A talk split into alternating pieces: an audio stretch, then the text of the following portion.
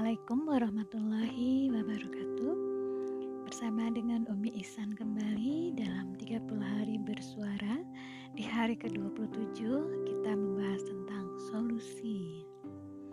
Nah sahabatku yang baik Pernahkah kita berada dalam situasi yang penuh dengan tekanan? Apa yang kita lakukan agar bisa keluar dari masalah itu? Mencari solusi. Ya benar sekali Nah sebagai makhluk hidup kita diberi akal pikiran untuk mencari solusi tiap masalah yang ditemui.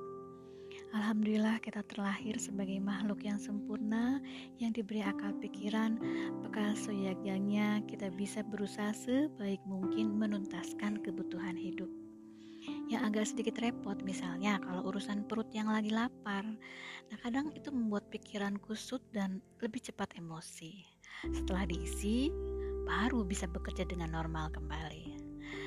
Kalau ada yang bisa dimakan, insya Allah aman.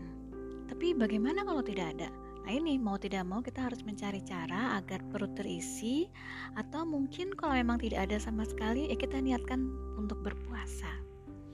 Contoh lain misalnya kantuk yang tiba-tiba datang sementara kita masih di jalan atau sedang bertugas. Nah secepat mungkin kalau ini kita mau tidak mau harus lawan atau istirahat sejenak untuk mencuci muka atau hirup udara segar agar kantuk itu hilang.